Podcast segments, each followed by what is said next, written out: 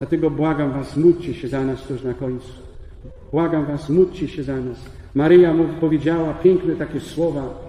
On posyła mnie między Was, aby przez moją matczyną miłość dać Wam pewność, byście podjęli, pojęli, że ból, cierpienie, radość i miłość sprawia, że Wasza dusza żyje intensywnie, by Was ponownie wezwać do uczczenia serca Jezusa. To święto coś mieli w piątek. By Was ponownie wezwać do serca wiary, do Eucharystii. Tej Eucharystii tak bezczeszczonej, tej prawdziwej, która jest w Kościele katolickim. Kto słuchał tam moich czasami e, katechez, czy czytał w książce, jak ja swoje zobaczyłem, czym jest Eucharystia, nie w, w seminarium, nie w książkach, nie z pięknych kazaniach, ale w ten czas, kiedy na pierwszej linii frontu, obrzygany, opluty przez opętanego, wystawiłem mu Jezusa, jak go walnęło o ścianę, to więcej nie wstał. W ten czas zobaczyłem, czym jest Eucharystia. Który z tych sierżantów sztabowych chociaż widział, jak wygląda opętanie? To wszystko dla nich jest psychika, psychologia i psychiatrzy. Ci, którzy widzieli, to wiedzą, o czym mówię. Mówi dalej Maria, mój syn każdego dnia i na wieki żywy wraca pomiędzy was. Do was powraca, bo nigdy was nie zostawi samymi. Kiedy jedno z moich dzieci wraca do niego, moje serce ogarnia radość. Nawet tutaj w Wiedniu, kiedy podchodziło tyle do mnie ludzi, proszę księdza, wróciłem, wróciłam do Boga rok temu, pięć lat temu, dziesięć lat temu. Jakież to jest piękne dla kapłana, że padłem takim, takim dziadem jak ja, potrafi się posłużyć. I na pewno kapłani tu siedzący, obecni też mogli powiedzieć piękne świadectwa, jak Bóg działa, jaka to jest radość dla kapłana.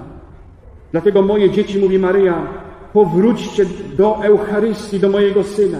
Droga do mojego syna jest trudna, pełna wyrzeczeń, ale na końcu zawsze jest światło. Nie łamcie się. Nie ma cudownych uzdrowień, bo ktoś przyszedł na bożeństwo i już podskakuje. Mówiłem wam wczoraj, ile mam właśnie takich próśb, błaga, błagań, co nagle poszli, wielkie alleluja, uzdrowienia, a potem nagle zaczyna się po miesiącu trzęsawka, nie mogą spać, zaczynają się jakieś omamy. Ratuj ksiądz, bo właśnie mnie uzdrawiali. Czym, jakim duchem się uzdrawiali? To nie o to chodzi.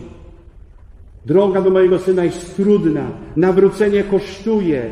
Odwrócenie się od grzechów kosztuje strasznie. Będzie ci rzucało, będzie szatan walczył, ale to jest dobry znak, że jesteś na właściwej drodze i nigdy nie wolno ci wrócić. Upadniesz, idź do spowiedzi, przyjmuj Jezusa, wierz w tego Jezusa. Ile, że to jest prawdziwy Syn, y, Jezus Chrystus, Syn Boga w tej Eucharystii. Ja rozumiem wasze bóle, mówi Maryja i cierpienia, a matczyną miłością ocieram wasze łzy. Zaufajcie mojemu synowi, gdyż on dla was uczyni to, o co wy nawet nie umiecie prosić. Wy tylko, moje dzieci, powinniście zatroszczyć się o swoją duszę, gdyż tylko ona na ziemi do was należy. Czy to opakowanie będzie trwało wiecznie? Przecież mnie też tu złożą, zakopią. Tu, co jest w środku, jest ważne.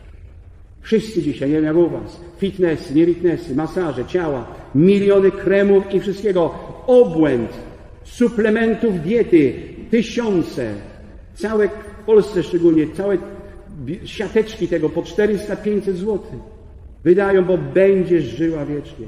Tylko tu się licz. Tylko tu.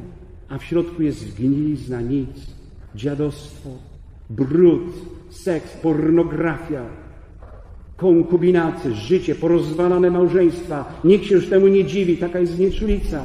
No dobrze, że sobie żyją razem. No nie udało się. Ty jeszcze jesteś jednym z facetem, chyba żartujesz, 20 lat?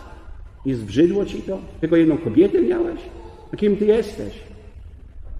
Tak dzisiaj podchodzą. Matki podchodzą swoich dzieci. No i co z tego, że sobie żyją?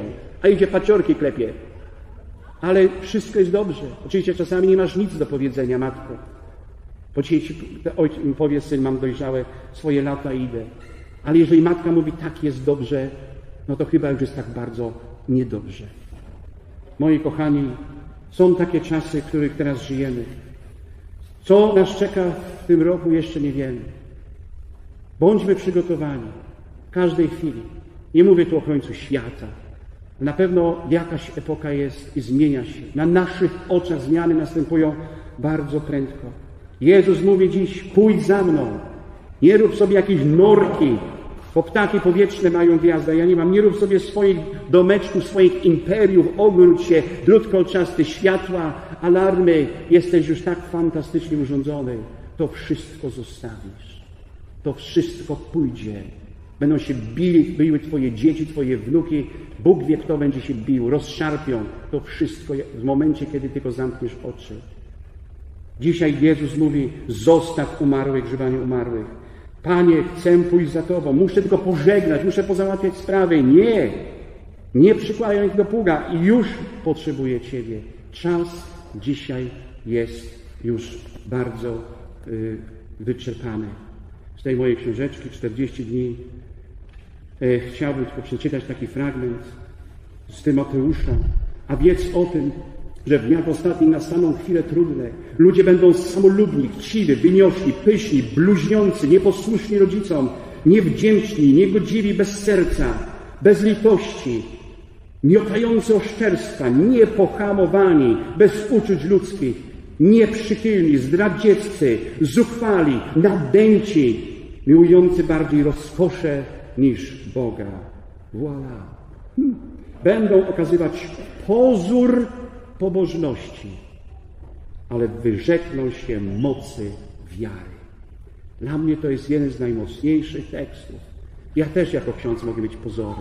Mogę piękne msze odprawiać, nosić złote ornaty. Ale czy to nie będą tylko gra i pozory? Czy ludzie Cię nie prześwietlą, że coś nie jest tak? Można mieć piękne uroczystości, kadzidła, chóry, orkiestry, procesje. Czy to chcą ludzie? Czy chcą kapłana, który będzie płakał, wierzył, mówił prawdę, nie bał się? Moi drodzy, te pozory dzisiaj jest wszędzie, są te gra pozorów. Ale wyrwijmy się z tego. Może mówię tutaj do tych ludzi. Wyrwijcie się z tego. Nie dajcie się. Bitwa jest ogromna. Wczoraj powiedziałem o każdą duszę. Ojciec Pio powiedział, wyrywamy, wyrywamy duszę diabłu. To znaczy on już je trzyma w szponach, a my musimy te szpony rozerwać i wyrwać tą duszę. To jest dzisiaj praca kapłanów, szczególnie na zachodzie. Dlatego, jak jeszcze raz mówię, dziękuję Was za Wasze modlitwy w imieniu tu wszystkich kapłanów. Módlcie się. Nie znacie sobie sprawy, co może się dziać kiedyś za murami plebanii, jakie też mogą rozgrywać się tragedie. To, co ostatnio widzimy w Polsce. Co musi się rozgrywać w sercu kapłana, który popełnia samobójstwo? Co musi się tam rozgrywać? Jaki dramat! Jedna kobieta powiedziała tylko w telewizji, to nasza wina, bośmy się mało interesowali. Jemu już życia nic nie wróci.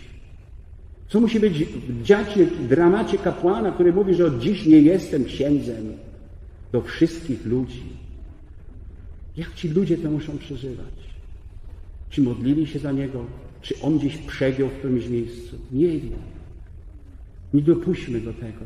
Dlatego mniej mówić, a więcej modlić się. Ja mam już po całym świecie chyba z 50 margaretek. Są najpiękniejsze dary, jakie człowiek dostaje. Że ludzie się za Ciebie modlą. Może dlatego jeszcze tu stoję przy Was. Ale módlcie za swoich księży, kapłanów. To tak niedużo trzeba. Ale jeżeli ich stracimy, nie będzie Eucharystii, nie będzie prawdy, a tutaj będą same meczety. I nie łudźmy się, że nasz kraj to ominie. Dlatego, kochani, życzę Wam tej wolności w duchu, abyście byli wolni. Nawet jeżeli będzie źle, będzie tragicznie, będą Was obmawiać, będą Was kąsać, jak mówi Pismo Święte, obmawiać. Będziecie, bądźcie wolni w środku. Do tej wolności nas wzywa dzisiaj Chrystus. Tej wolności w duchu i prawdzie. Tylko ta prawda da nam tą prawdziwą wolność. Oto się modlę, żebym każdego dnia był wolny. A którego dnia już przestanę być wolny, że będzie już bardzo źle, to tylko on powiem, weź mnie stąd. Ja już nie chcę. Weź mnie stąd, chcę już Cię zobaczyć twarzą w twarz. Niech wam tej wolności nikt nie zabierze. Nie sprzedajcie się, nie dajcie się omamić, bo ta wolność jest najwspanialszym darem. Wolność, która będzie nas prowadzić do samego Pana. Jak mówi psalm, On jest moim dziedzictwem, moim przeznaczeniem. Amen.